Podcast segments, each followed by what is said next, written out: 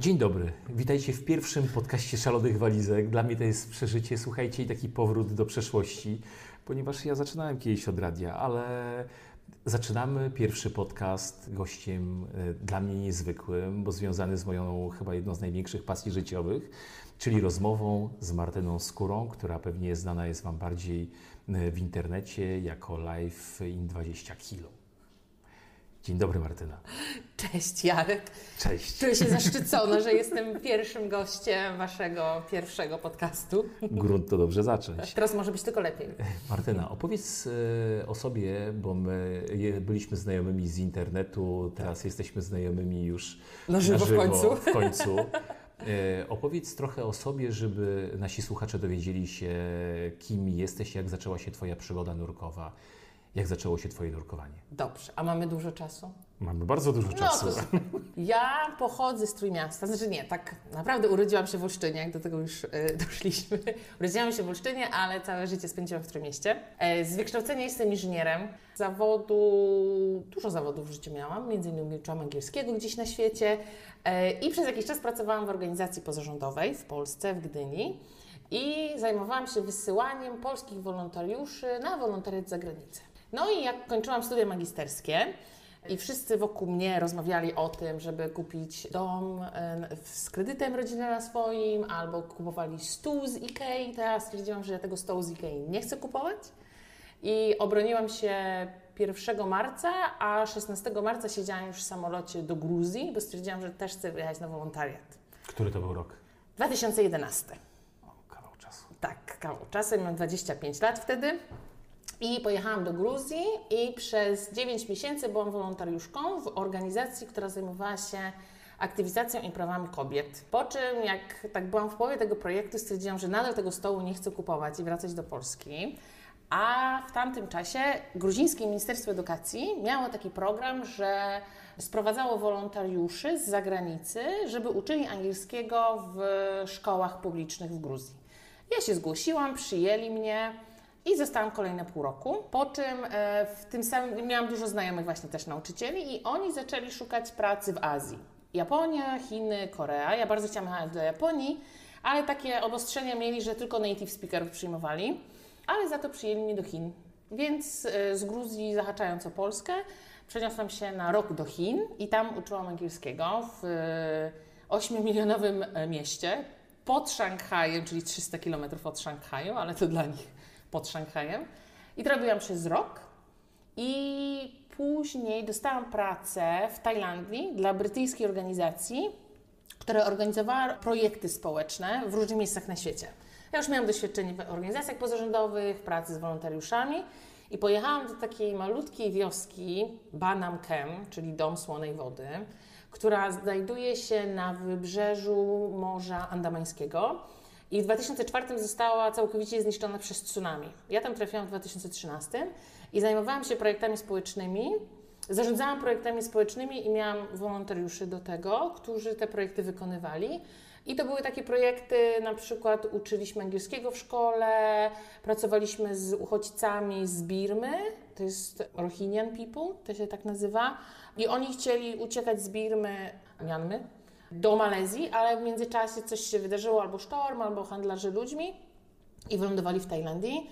I mieli szczęście, bo znalazła ich policja, a nie handlarze ludźmi. W związku z tym policja odstawiła ich do takiego ośrodka interwencji kryzysowej, ale to były tylko kobiety i dzieci, bo mężczyźni trafili do więzień. No i myśmy z nim pracowali. Pracowaliśmy jeszcze z dziećmi niepełnosprawnymi, bo w Tajlandii nie ma integracji osób niepełnosprawnych z osobami pełnosprawnymi, więc pracowaliśmy z takimi dziećmi, zajmowaliśmy się terapią dla nich, no i robiliśmy różne projekty też związane z ochroną środowiska. Ja to robiłam przez rok, po czym wróciłam do Polski.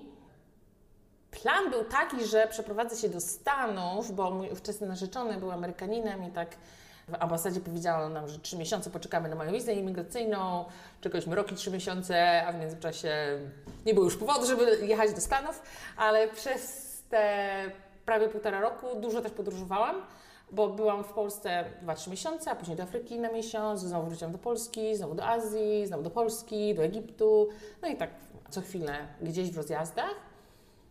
I zaczęłam nurkować w Tajlandii, jak jeszcze mieszkałam w tej... Właśnie chciałem o to, chcie, chciałem tak. o to zapytać, kiedy to nurkowanie się zaczęło? Zaczęło się kiedy zajawka się pojawiła na nurkowanie? E, Zaczęło się w Tajlandii. E, Ja muszę zaznaczyć, że ja w tamtych czasach kiepsko pływałam, bałam się wody i wysokości. Ale z moją przyjaciółką w tej naszej wiosce rybackiej miałyśmy akurat wolny weekend i chciałyśmy się wydostać do cywilizacji i do ludzi i coś zrobić. I ona bardzo chciała jechać nurkować, ona już była nurkiem i stwierdziła, Martyna, Martyna, spróbujesz. Ja Boję się wody. No dobra, dobra, spróbujesz, dasz radę, płytko będzie. No i pojechałyśmy do Krabi. E, I ja pamiętam, e, żadnego szkolenia nie dostałam, ubrali mnie w ten sprzęt. Ona skoczyła do wody, instruktor skoczył do wody i ja stałam na tej łodzi z 10 minut, byłam już ostatnim klientem, który nie wszedł do wody i panikowałam, bo bałam się skoczyć. I Laura krzyczała do mnie, Martyna, Martyna, wskakuj do wody, mówię, że się boję, ale czego się boisz, bo to jest głęboko, to jest 12 metrów, to dla mnie krów mariański. A sami, że 12, 12 metrów nurkowania to jest nic. No i w końcu wskoczyłam i uważam, że tutaj wszechświat nade mną czuwał, bo tamtego dnia przejrzystość wody była spektakularna. Było wszystko widać, było tak kolorowo, było tyle ryb, że ja po prostu jak zanurzyłam głowę w masce pod wodę, to ja już byłam sprzedana, ja już wiedziałam, co chcę robić. Znaczy przynajmniej rekreacyjnie. I rzeczywiście mega, mega mi się spodobało. I później, w ramach, jak jeszcze mieszkałam w Tajlandii, to raz na, jak miałam wolny weekend, no to szybko na jakiś tam wyskoczyć na nurki albo kolejny kurs zrobić. I później, po, po roku, stwierdziłam, że chciałabym zrobić kurs dive masterski. To jest ten pierwszy profesjonalny, po którym można pracować. I chciałam go zrobić gdzieś oczywiście w wodach tropikalnych i wybrałam Dachab bo, w Egipcie, bo słyszałam dużo pozytywnych opinii na temat tego miejsca i szkolenia tam. I skończyłam kurs dive masterski tam i miałam propozycję pracy, żeby zostać jako dive master, ale ISIS, państwo islamskie, strąciło wtedy samolot z rosyjskimi turystami. To było w 2015. Skończyła się E, turystyka z Rosji, skończyły się klienci. Tak, dokładnie, więc wszystko zamknęli. Wszystko. Pamiętam, że największe centrum nurkowe z, ta- z Daha w, w przeciągu pierwszego dnia miało 180, 180 odwołań. W sensie rezerwacji. Więc to była masakra. Tam niektóre centra nurkowe z dnia na dzień splajtowały. No więc nie było po co zostawać.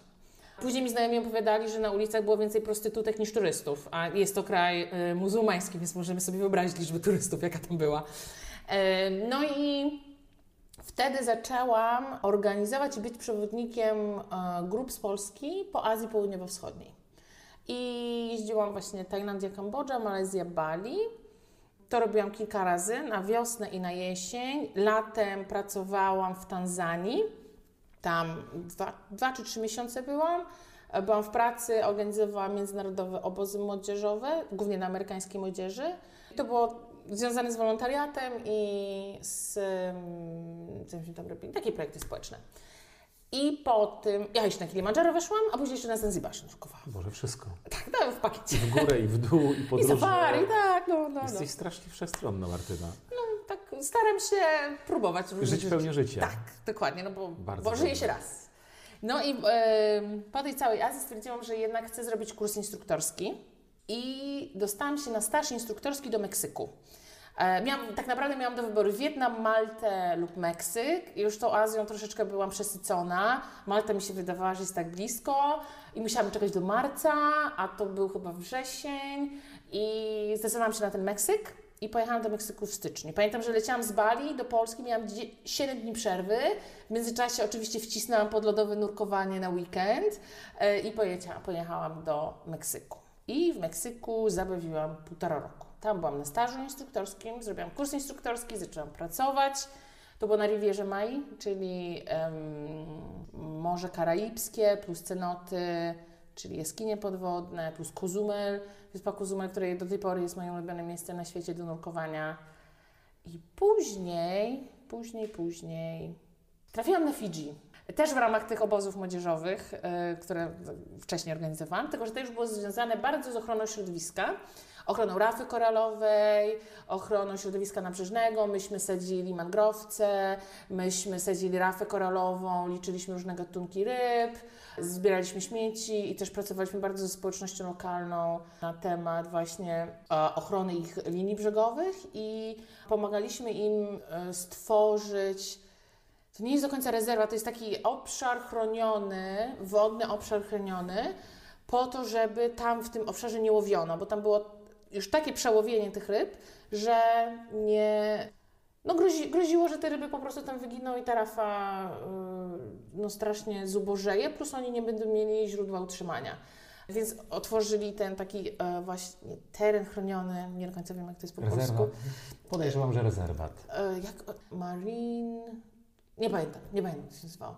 E, Ale nie- wiemy o co chodzi. Najważniejsze, tak. że wiemy o co chodzi. Tak, dokładnie. Strefa ochrony. Tak, strefa ochrony. To to robiliśmy i ja później miałam na tym widzieć zostać, bo miałam drugi kontrakt nagrany, no ale w międzyczasie ta druga firma zaczęła tam a terminy zmieniać, a coś, że miałam, miał być na rok kontrakt, a więc stwierdzili, że tylko na trzy miesiące, ale to muszę jeszcze poczekać dwa miesiące, a mi się wiza kończyła i tak, y, no nie zagrało między nami i w międzyczasie znalazłam pracę jako instruktorka nurkowania na Malediwach. Więc w przeciągu dwóch tygodni załatwiłam wizę, pozwolenie na pracę, bilet i poleciałam na Malediwy, gdzie przez rok pracowałam jako instruktorka A nurkowania. my Cię z tych Malediwów najbardziej znamy i tam obserwowaliśmy Twoje nurkowanie. Tak mi się wydaje, że dużo osób właśnie z tych Malediwów mnie najbardziej kojarzy, bo rzeczywiście to jest takie miejsce, no niewiele osób tam dociera, ale jeszcze mniej mieszka. Bo Malediwy kojarzą nam się, szczególnie Polakom, jako miejsce takie bardzo luksusowe. Tak. Jeżeli chodzi o i przylot, i pobyt na miejscu. A jak jest faktycznie? No ten przylot niestety nie jest najtańszy, e, ale można znaleźć bilet za nie wiem, 3,5 tysiąca w dwie strony. E, No czasami to są e, dużo wyższe kwoty, no też zależy od sezonu. Wiadomo, że sezon deszczowy będzie tańszy, a sezon suchy, szczególnie święta Sylwester, będzie e, okresem najdroższym. Ale tak naprawdę na Malediwach można znaleźć guest house'y za 50 dolarów za noc, a można znaleźć hotele za 100 dolarów, można znaleźć hotele za 1000 dolarów, w którym ja pracowałam i za 25 Czyli tysięcy dolarów. nie jest takie drogie, Nie. jak wieść gmina niesie. Nie, nie, oczywiście. Można jeździć po wyspach lokalnych, mieszkać właśnie u lokalnych osób, w, ich domach, w guest house'ach, jeździć na wycieczki z nimi, więc to są zupełnie też inne koszty niż te, niż te hotelowe. Dwie największe różnice będzie standard oczywiście, no ale jeżeli nie oczekujemy pięciogwiazdkowego, luksusowego hotelu z, od, z własnym odźwiernym i jest, jest odpowiada nam poznawanie lokalnej kultury i przebywanie z tymi lokalnymi mieszkańcami, to jest super. No i druga taka rzecz, Istotna dla wielu osób podczas wakacji jest alkohol, ponieważ e, Malediwy są Krajem krajem muzułmańskim. bardzo konserwatywnym, muzułmańskim. Alkoholu nie można nigdzie dostać w sklepie, nie ma barów. Czy można przewozić swój alkohol? E, Bo to są też częste pytania, e, które się pojawiają. moja szefowa, jak przeprowadzałam się na Malediwy, powiedziała mi, że jeżeli przywiozę alkohol, to będę go pojała przez 30 lat za kratkami. Więc sobie daj spokój. Dał sobie spokój. A bez alkoholu Ale wiem, że ludzie tam przewożą i tak niektórzy strażnicy tak pobłażliwie. Znaczy ja, No, powiem, jakoś tam ja powiem z naszego doświadczenia. No. Byliśmy w Iranie. Aha. Oficjalnie w Iranie nie ma alkoholu, Mhm. jest prohibicja. Nieoficjalnie Irańczycy Tak. sami produkują i No używają. ci na Malediwach też. No. Yy, No, ale można spokojnie też yy, dać sobie radę, jeżeli człowiek jest w podróży. Dokładnie. E, W hotelach można, bo hotele muszą mieć licencję. No to może, można się napić w hotelu. To nie są tanie drinki, no ale przecież dwa tygodnie bez alkoholu też można. Są widoki, tak. które oszłamiają lepiej. Jest woda, ona jest tak y, taka. y, y, Jak, jak to powiedzieć, że. Hipnotyzująca. O tak, dokładnie, hipnotyzująca, że niepotrzebne nam są żadne używki, żeby poprawić sobie nastrój, wystarczy wejść do wody. Martyna, opowiedz mi o, o, Właśnie, bo tam zrobiłaś uprawnienia instruktora, czyli robiąc uprawnienia instruktora, byłaś przekonana, że to będzie Twój zawód, że Tak. to będzie Twoja Mhm. praca. Czy po tym czasie, gdy pracujesz jako instruktor, Mhm. zabierasz ze sobą ludzi, y, nie nastąpiło takie zmęczenie materiału, że człowiek już mówi, ach, cholera, czy to ta pasja to jest taka, taka fajna, czy dalej woda kręci? Woda kręci zawsze. E, Sam też wiesz, że nurkowanie nie jest takie. To nie jest tylko uczenie. Nurkowanie daje mnóstwo innych opcji. Sam zajmujesz się fotografią podwodną. Można się tym zajmować. Można się zajmować ochroną rafy i projektami ekologicznymi. Można się zajmować uczeniem. Można się zajmować zarządzaniem centrum nurkowym, e, badaniami naukowymi, eksploracją e, wraków, jaskiń. E, Można nurkować w ciepłej wodzie, zimnej wodzie, więc ta różnorodność jest olbrzymia. Także naprawdę, jeżeli w jakiejś, w jakiejś dziedzinie się znudzisz, to zawsze możesz przesunąć się do drugiej. A co ty kochasz w drukowaniu? Bo e, ten start właśnie no, podobało ci się. Mhm. E, Czy podobało ci się tylko to, że ten świat jest taki niezwykły, Mhm. że jest piękny piasek, jest rafa, są zwierzątka? Czy coś jeszcze? Czy to jest forma spędzania czasu, relaks? Nie wiem, no każdy ma swój jakiś patent. Mhm. Znaczy na pewno taką rzeczą, którą strasznie cenię sobie w nurkowaniu, to jest cisza. Że od razu jak zamaczesz, zanurzasz głowę, tak jak w wannie, nalejesz sobie y, wody po, y, po czubek i się zanurzysz, to jest ta cisza i ten spokój. E, taka podwodna medytacja. To jest moja ulubiona część nurkowania i to, że można tam odpocząć, zrelaksować e, i nie wiem, znaleźć rozwiązanie problemów, których możemy rozwiązać na powierzchni. Ale na świat przykład. podwodny jest pełen dźwięków, tylko innych. Tak, ale to jest, to jest takie, no zupełnie inne. To jest takie, to, jest, to są takie dźwięki, w które chcesz się wsłuchiwać. Tam wszystko jest takie powolne i na wszystko jest czas. To jest e, fantastyczne w nurkowaniu. Poza tym ja całe życie czegoś uczyłam. Ja mam tylko angielskiego, pierwszej pomocy, ratownictwa, zarządzania projektami. Różne, różne rzeczy uczyłam i bardzo dobrze czuję się w uczeniu. I to jest bycie instruktorką nurkowania, jest połączenie mojej pasji nurkowania i tego, w czym jestem dobra, czyli uczeniem. To ja wiesz co, przepraszam, że ci wejdę w słowo, No. bo to y, ja jestem dzieckiem nauczycielskim. A ja też. Ech, to się rozumiemy jeszcze bardziej. Wiesz co, i po, ja osobiście, ale to nie wynika z doświadczeń rodzinnych, to wynika bardziej z doświadczeń życiowych. Mhm. Uważam, że edukacja jest najważniejszą rzeczą, jaką można dać dzieciom. E, Bardzo się z tym zgadzam. e, I by- powinniśmy się na tym absolutnie skupić. I ty, jako instruktorka, jako nauczyciel nurkowania, e, gdyby ktoś do ciebie przyszedł i zapytał, jak mądrze zacząć, to co byś mu odpowiedziała? Na pewno poczytać wcześniej o tym. Nie rzucać się na głęboką wodę. Tak naprawdę można by powiedzieć, że jest wiele takich, takich opcji. Ja ostatnio, ostatnio wiele osób do mnie pisało, że chciałyby zacząć nurkowanie, ale na przykład boją się wody. No to najpierw oswoić się z tą wodą. Zacząć chodzić na basen, pływać w jeziorze. Żeby nie było tak, że je- jedziecie gdzieś w tropiki, chcecie zrobić kurs i po pie- pierwszych pięciu minutach w wodzie stwierdzacie, że to w ogóle nie jest dla Was. Także rzeczywiście oswoić się z wodą. Nie trzeba być e, Phelpsem e, w pływaniu i e, świetnie pływać, bo ja nigdy świetnie nie pływałam. Dopiero Można przed- nie umieć pływać i być nurkiem. Powiedzmy sobie szczerze. Można, można. Tylko to już jest niebezpieczne. No to jest Trochę niebezpieczne. No można by być bardziej odpowiedzialnym, powiedziałabym, ale fajnie jest, żeby czuć się swobodnie z wodą i też mieć do niej respekt. I możemy sobie pozwolić na wyjazd tropiki i tam nurkować, czy na przykład w Polsce. Można się zapisać na Discover Scuba Diving, na DSD, nawet w Polsce i pójść na basen. W tym basenie jest zawsze fajnie zacząć. Żeby nie rzucać się na głęboką wodę, tak jak ja się i mnie rzucono, e, jak Ci opowiadałam, ja nie miałam żadnego szkolenia, a w międzyczasie mi się maska zalała, więc ja spanikowałam, wy- wypłynęłam na powierzchnię. Słona woda, Tak, no pierwszy takie. raz. Dokładnie. Także ja, y, ilekroć biorę moich kursantów pod wodę, to najpierw idziemy do basenu, żeby się oswoić, bo w tym basenie zawsze można wstać. Popływać, rozpływać, żeby oni się poczuli swobodnie. Jeżeli czegoś się boją, no to przerobić to z nimi, mieć dla nich czas i wtedy pójść dopiero na rafę. I nie zgrywajmy chojraków, bo ja pamiętam, wielokrotnie miałam takie sytuacje, że mówię, znowu zejdziemy na 12 metrów maksymalnie. A możemy głębiej? No ale po co schodzić głębiej, skoro to jest pierwsze nurkowanie na tych 12 I metrach? twój limit nie pozwala głębiej. Myśl. Tak, dokładnie. On nie wie, jak się zachowa, czy ona. Poza tym przez, przez pierwsze 12 metrów jest najładniejsza rafa, bo jest najładniejsze słońce. Więc te 12 metrów w zupełności wystarczy. Ja nawet często nie biorę osób nawet do 12 metrów, no bo, no nie, no bo po co? Ładniejsze jest na powierzchni. To oczywiście też zależy od, od danego miejsca. Na pewno zapisać się e, do jakiegoś sprawdzonego centrum nurkowego. Jeżeli my go nie znamy, to poszukać opinii innych osób w internecie. Jest formularz medyczny, który trzeba zawsze wypełnić. Z całego serca radzę być w nim szczerym, bo to, tam jest, e, nie wiem, powiedzmy 20 pytań. I jeżeli pojawi się jakikolwiek odpowiedź tak, to trzeba się skonsultować z lekarzem. Ale to nie znaczy, że nie będziemy mogli nurkować. Bo są osoby, które na przykład mają astmę i nie mogą nurkować, a są osoby, które mają astmę i mogą nurkować, bo to zależy od rodzaju astmy. Najlepiej skonsultować się ze swoim lekarzem. Ja mam jedno tak w moim formularzu, konsultuję się z moim lekarzem. Raz na pół roku muszę odnawiać to zaświadczenie medyczne i nie mam problemu, żebym z tym nurkowała. Także jeżeli jest taka sytuacja, że chcecie odpowiedzieć tak, i, a w centrum nurkowym Wam ktoś mówi, mm, ale jak jest tak, to musimy pójść do lekarza, to nie ma lekarza, no to ja bym może pomyślała o innym centrum nurkowym, tak? Jeżeli, bo żaden instruktor e, nie jest lekarzem i nie jest w stanie Wam doradzić, czy coś jest ważne, czy coś jest nieważne. Także lepiej się skonsultować ze swoim lekarzem, nawet lepiej w Polsce jeszcze. Czy jak ktoś ma cukrzycę, czy jak ktoś ma astmę, tego typu rzeczy.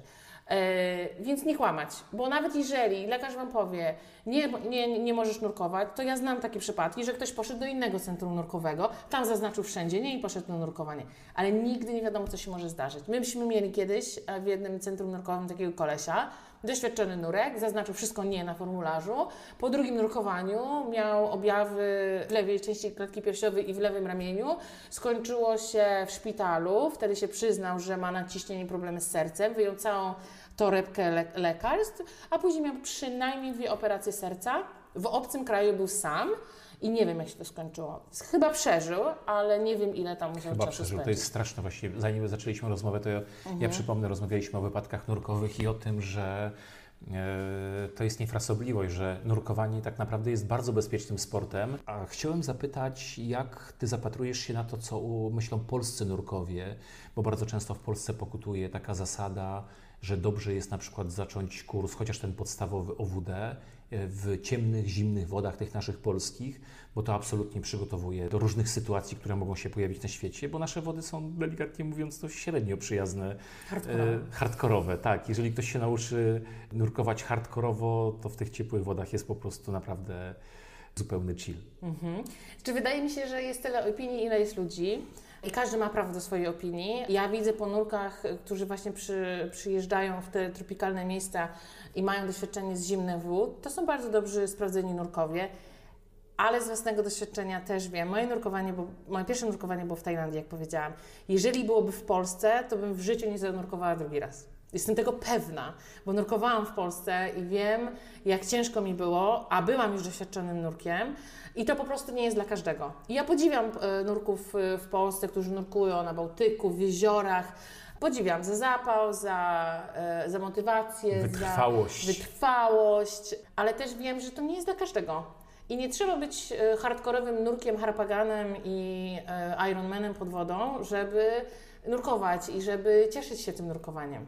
Bo czasami są ludzie, którzy no w życiu codziennym nie mogą nurkować i tylko na wakacjach i chcą, żeby to było przyjemne. Chcą sobie popatrzeć na rybki, chcą jakiś wraczek zobaczyć, żeby było ciepło, ładnie, zrobić sobie zdjęcia.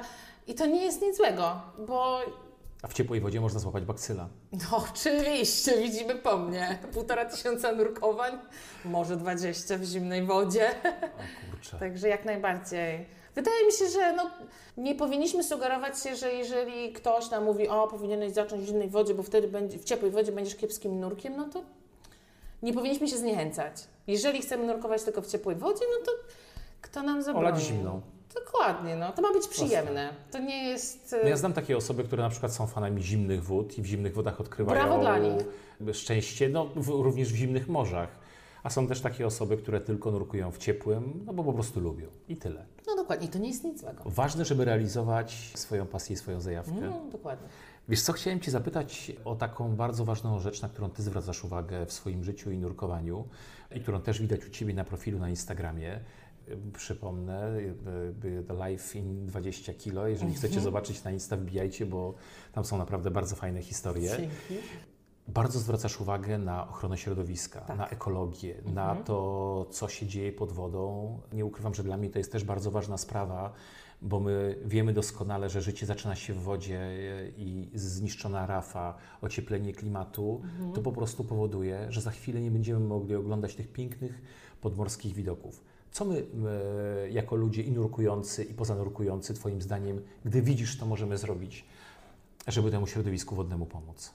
No na pewno, jeżeli nurkujemy, to taka pierwsza zasada, niczego nie dotykamy. Jest takie angielskie powiedzenie, my to mówimy, że e, leave only bubbles, take only photos. Tak? Z, zostawiamy tylko bąbelki, a bierzemy, zabieramy Mamy tylko fotki, zdjęcia. tak. tak. I rzeczywiście przewodnik, dive master, instruktor przed wejściem do wody powinien udzielić takiej e, informacji, że niczego nie dotykamy, ponieważ my to możemy skrzywdzić i to może skrzywdzić nas. Nie zabieramy żadnych kawałków rafy, muszli, rybek, stworzonek. Zostawiamy wszystko tak, jak jest. O, oczywiście nie zaśmiecamy, nie wyrzucamy niczego do morza. Jeżeli jesteśmy w tropikalnych miejscach, to na przykład zwracajmy uwagę na filtry, z, na kremy z filtrem, żeby nie używać tych toksycznych. Bo to zostaje w wodzie. Tak, to zostaje w rafę. wodzie, tak, i powoduje e, wybielanie się koralu. E, Czyli w takim dużym skrócie e, kolor traci swój ko- e, koral traci swój kolor i powoli umiera. Czyli jeżeli widzicie biały koral pod wodą, no to on prawdopodobnie y, duchem jest już gdzie indziej. W krainie Także wielkich łowów. tak, wielkich raf. A możemy sobie powiedzieć, bo pewnie ludzie też o tym nie wiedzą, że e, rafa stanowi dom dla tych najmniejszych organizmów i na rafach koralowych rodzi się kolejne życie, kolejne Tak. ryby, Rafy koralowe są najbardziej, nie chcę powiedzieć zaludnionym, e, ale chyba zaludnionym, bo nazwijmy najbardziej to intensywnym, no, zarybionym.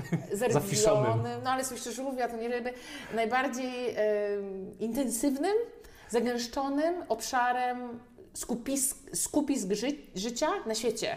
Także na tych rafach żyje tak, że tak, olbrzy, e, e, tak dużo tych gatunków wszystkiego, i roślin, i e, koralowców, i ryb, żółwi, stworzeń, kręgowców, bezkręgowców. Zniszczenie rafy E, oznacza zniszczenie ich domu. Tak, z ich domu, ale ta rafa jest ważna dla nas, no bo ona przecież produkuje tlen, ona, y, oceany gromadzą ten nadmiar dwutlenku węgla, który my produkujemy.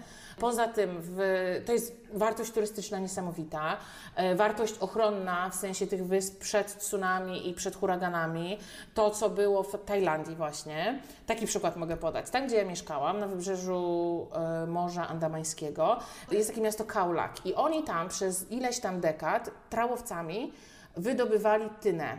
Czyli to wyglądało tak, że oni, to były chyba kotwice albo jakieś inne przedmioty, które wrzucali do wody i ciągnęli ze sobą. Czyli po rafie zostało wspomnienie. Nic. Po prostu tam jest pusto. Tam ja byłam na wraku, który był jedynym skupiskiem stworzeń morskich. I jak przyszło to tsunami, to normalnie rafa chroni przed falą. Ta fala się zmniejsza. A tam nie było tej rafy, więc to ten kaulak i tamte okolice zostały zmiecione i tam były największe Straszne. ofiary. Tak. A na przykład na Sri Lance były takie odcinki, gdzie rafa była i rafy nie było. No to porównanie procentowe, ile, albo w ogóle ilościowe, ile osób zginęło na tych odcinkach, gdzie była rafa, a tam, gdzie nie było rafy, to są potworne różnice. Plus do tego, w związku z tym, że tam jest tak dużo ryb, to dla wielu ludzi na świecie to jest źródło jedzenia, białka. On, bo na tych wyspach, no to tam kury sobie naturalnie nie, nie, nie chodzą, tylko zjedzą to, ci ludzie zjedzą to, co wyłowią. wyłowią. Dokładnie. Plus do tego z różnych stworzeń morskich produkuje się leki. Także ta rafa koralowa daje tak dużo. Ja wiem, że nam czasami jest to sobie trudno wyobrazić, bo my żyjemy tutaj w Polsce, Mazury, Bałtyk, y, no i tam ta jakaś tam rafa, nie?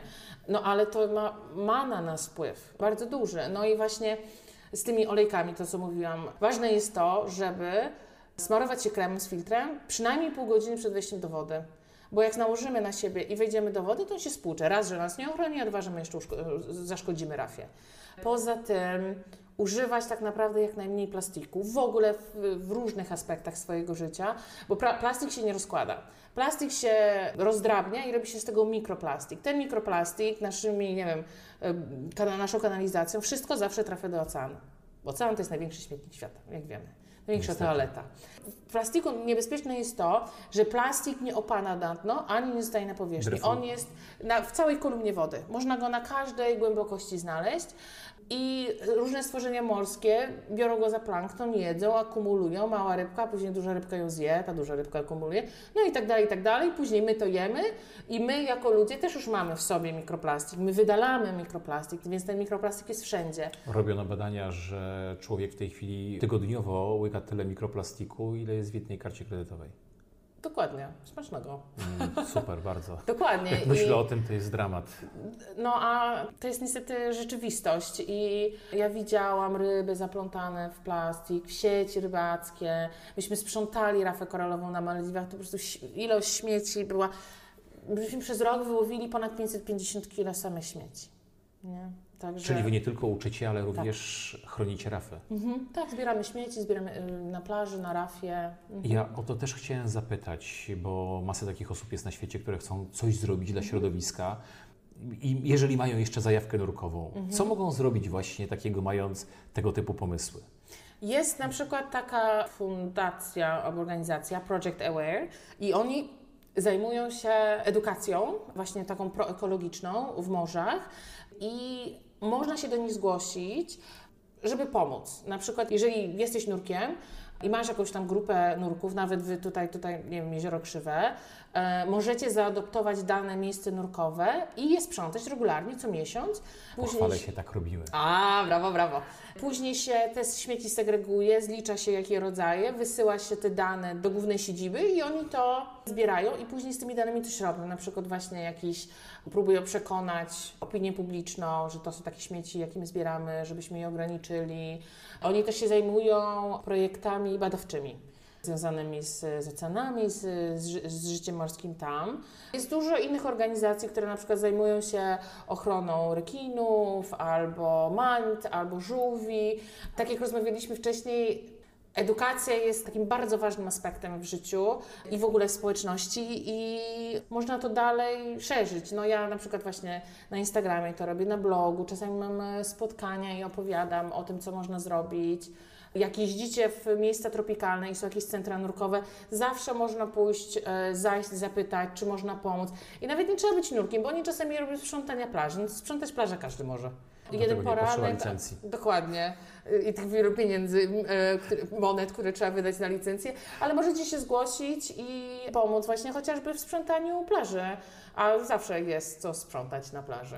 Także są i na przykład w Grecji są takie miejsca, gdzie zajmują się ochroną żółwi morskich, więc można pójść do takiego centrum na prezentację, czegoś więcej się dowiedzieć, może potrzebują pomocy i się dołączyć. Wiem, że na przykład raz na jakiś czas robią patrole wieczorami, żeby zobaczyć, czy te żółwie się tam wylęgają, czy nie, czy tam ktoś ich nie kradnie, tych jaj.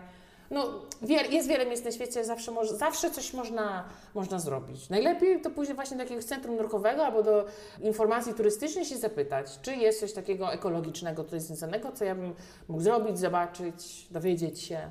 E, A wracając do tej edukacji, o której mówiłaś, patrząc na nurkowanie i na, na nurków, których zabierasz, czy to nie jest też taki aspekt e, edukacyjny, gdy oni z Tobą płyną i pewnie oni również widzą takie ryby zaplątane w plastiki, tak. widzą ten plastik. Jak ludzie reagują na tego typu sytuacje? Bo my zwykle na co dzień obojętnie, no większość osób obojętnie wokół tego przychodzi i nie zdaje sobie sprawę, jaka jest skala zagrożenia. Jest część ludzi, która nie reaguje w ogóle, a jest część ludzi, która rzeczywiście reaguje i na przykład widzą mnie, że ja tutaj jakieś śmieci zbieram. Ja płynę z przodu, później się obracam, patrzę na nich, oni też śmieci zbierają z raf. To nie muszą być jakieś wielkie wory, no bo wiadomo, pływalność trzeba, e, trzeba utrzymać, ale tu, a tu jakaś puszka, a tu jakieś, e, nie wiem, papierek, opakowanie, no to tam w ten, w, w jacket, w, w kieszeni Dobry przykład wciskają. działa. Tak. Dobry tak, przykład działa. Dokładnie. Ale to jest też tak, że nurkowie są bardzo często ambasadorami, bo oni to widzą. Widzą, co się dzieje pod tą wodą, jakie szkody powodują zanieczyszczenia i śmieci w oceanie. I oni już na przykład są bardziej świadomi, na przykład, żeby nie używać tak dużo plastiku, albo żeby właśnie nie wyrzucać śmieci, czy też na przykład y, chodzą sobie po plaży, znajdą śmieć, podniosą i wyrzucą do kosza. No co to za problem? Leżysz na plaży, trzy śmieci i wyrzucić do kosza, no żaden, nie? Już nie mówiąc, żeby nie zostawiać rzeczy po sobie na plaży, żadnych śmieci. Także tak, to rzeczywiście jest takie mm, zarażające, że rzeczywiście jeżeli ktoś jest w wodzie, widzi jakie to jest piękne, to też nie chce, żeby to było zaśmiecone, więc rzeczywiście trochę pomaga. Myśmy jak na Maldywach zbierali te śmieci, to bardzo często mieliśmy gości hotelowych, którzy chcieli nam pomóc i część była z nich nurkami, nurkowali, a część z, z, zwyczajnie ABC, snorkeling, płetwy, maska, fajka i zbieraliśmy śmieci w tej płaskiej, w, w tej płytkiej wodzie. Także mm, są ludzie chętni do pomocy. Dobrze, że coraz więcej. Tak. Martyna, chciałem Cię zapytać o taką przyjemną kwestię Mhm. e, dotyczącą nurkowania. bo jak chcemy o tym nurkowaniu mówić i zachęcać ludzi do nurkowania, czy to drogi sport i ile kosztuje monet? No cóż, to nie są tanie rzeczy, jak to mówią, ale z drugiej strony, tak jak rozmawialiśmy y, całkiem niedawno, y, naprawdę, jeżeli się naprawdę chcesz zaangażować w, jakiś, w jakąś pasję, to żadna pasja nie będzie tania, ale to jest kwestia no, priorytetów, tak? Bo jeżeli zależy nam na innych rzeczach, czyli na jakichś luksusowych y, przedmiotach w domu. I to jest dla nas ważniejsze, no to może nie zawsze będziemy mieli te pieniądze na nurkowanie. Ja od kiedy zaczęłam nurkować, wszystkie moje jakieś destynacje wakacyjne są podyktowane nurkowaniem. Ja, y, jak patrzę, gdzie mogę jechać, to zawsze sprawdzam, a co tam jest pod wodą, co tam można zobaczyć. Ja odkładałam pieniądze regularnie i zamiast pójść do baru na imprezę, to kupowałam sobie piwo i siedziałam z znajomymi na krawężniku, tak? Albo w Meksyku jadłam takosy za dolara, zamiast pójść do knajpy na kolację za 20 dolarów, tak? Bo kasa na zapłacenie za nurka, za, No, oczywiście. za powietrze i tak dalej. Tak, albo jakiś kurs, albo jakiś wypad, także wolałam na to oszczędzić niż na innego rodzaju podróże. W życiu ważne są priorytety yy, i tak naprawdę każdy wybiera swój pomysł. yy, I ja chciałem tutaj podpowiedzieć yy, też słuchaczom bardzo ciekawy patent na to, jak też zdobyć kasę na na przykład pasję, taką jak nurkowanie. Yy, To akurat nie jest mój patent, tylko mojej Doroty. Dorota nie pali, ale wymyśliła sobie, że gdyby paliła to i codziennie odkładała 15 zł, bo tyle kosztuje około Paczka. paczka papierosów, to zobacz, ile można kasy w ciągu roku odłożyć. No I to jest taka, taki jeden z najprostszych patentów. Dokładnie. Każdy ma swój jakiś tam inny i można w ten sposób realizować swoje pasje. No właśnie, także jak nam zależy, znajdziemy sposób, jak nam nie zależy, znajdziemy wymówkę. No, właśnie o to chodzi. Słuchaj, gdzie będziemy Cię mogli zobaczyć w najbliższym czasie? Bo to myślę też słuchaczy może interesować. Bardzo często dostaję takie pytanie i niestety na razie nie jestem w stanie odpowiedzieć na 100%. Jestem teraz w trakcie rekrutacji do bardzo fajnej pracy od maja do sierpnia na wyspie St. Martin. To jest holenderskie terytorium zamorskie na Karaibach. Bardzo chciałabym tam dostać pracę. Także mam nadzieję, że stamtąd będę mogła Wam więcej opowiadać. Jak nie, to gdzieś jedzie w jakichś tropikach, ale to muszą być tropiki, bo musi być rafa. Ale to krótki czas. Ta praca będzie krótko, y, krótkoterminowa, ale też mam już nadzieję, że po niej albo jeszcze wcześniej przed nią już coś od jesieni się, y, się zacznie, bo to też jest ważne w tej pracy. E, Że w tropikach mimo wszystko są sezony. Są sezony suche, są sezony e, Deszczowe. deszczowe. I na przykład e, w Azji Południowo-Wschodniej, czyli w tej północnej części, w północnej półkuli, czyli Tajlandia, Malezja, Kambodża, tam sezon suchy jest od listopada do kwietnia, ale na przykład w Bali jest drugą stronę, czyli jest od maja do października, więc w zależności w jakim jak, jaki mamy okres w roku, w niektórych miejscach możemy dostać pracę, a w niektórych nie. Powiedz mi właśnie, bo e, powiedziałeś bardzo ciekawą rzecz, która mnie samego też osobiście interesuje. Co dzieje się w centrach nurkowych w porze deszczowej? Jest tak na przykład, że niektóre centra nurkowe są zamykane zupełnie, a nie, niektóre centra nurkowe raczej skupiają się na przykład na własnym szkoleniu, albo na, na sprzęcie, na serwisowaniu, albo są na przykład otwarte na żądanie. Y, Dlaczego? Dlatego, że nie ma turystów? No nie ma turystów Czy pod wodą jest gorzej? Nie tyle co pod wodą, ale jeżeli jest sezon deszczowy, to często są e, wiatry i są duże fale i wtedy łodzie nie wypływają. Ale Jest na- niebezpiecznie, krótko tak, mówiąc. tak. Ja na przykład robiłam kurs rescue, ten ratowniczy, w sezonie deszczowym w Tajlandii. E, Ty jesteś harpaganem.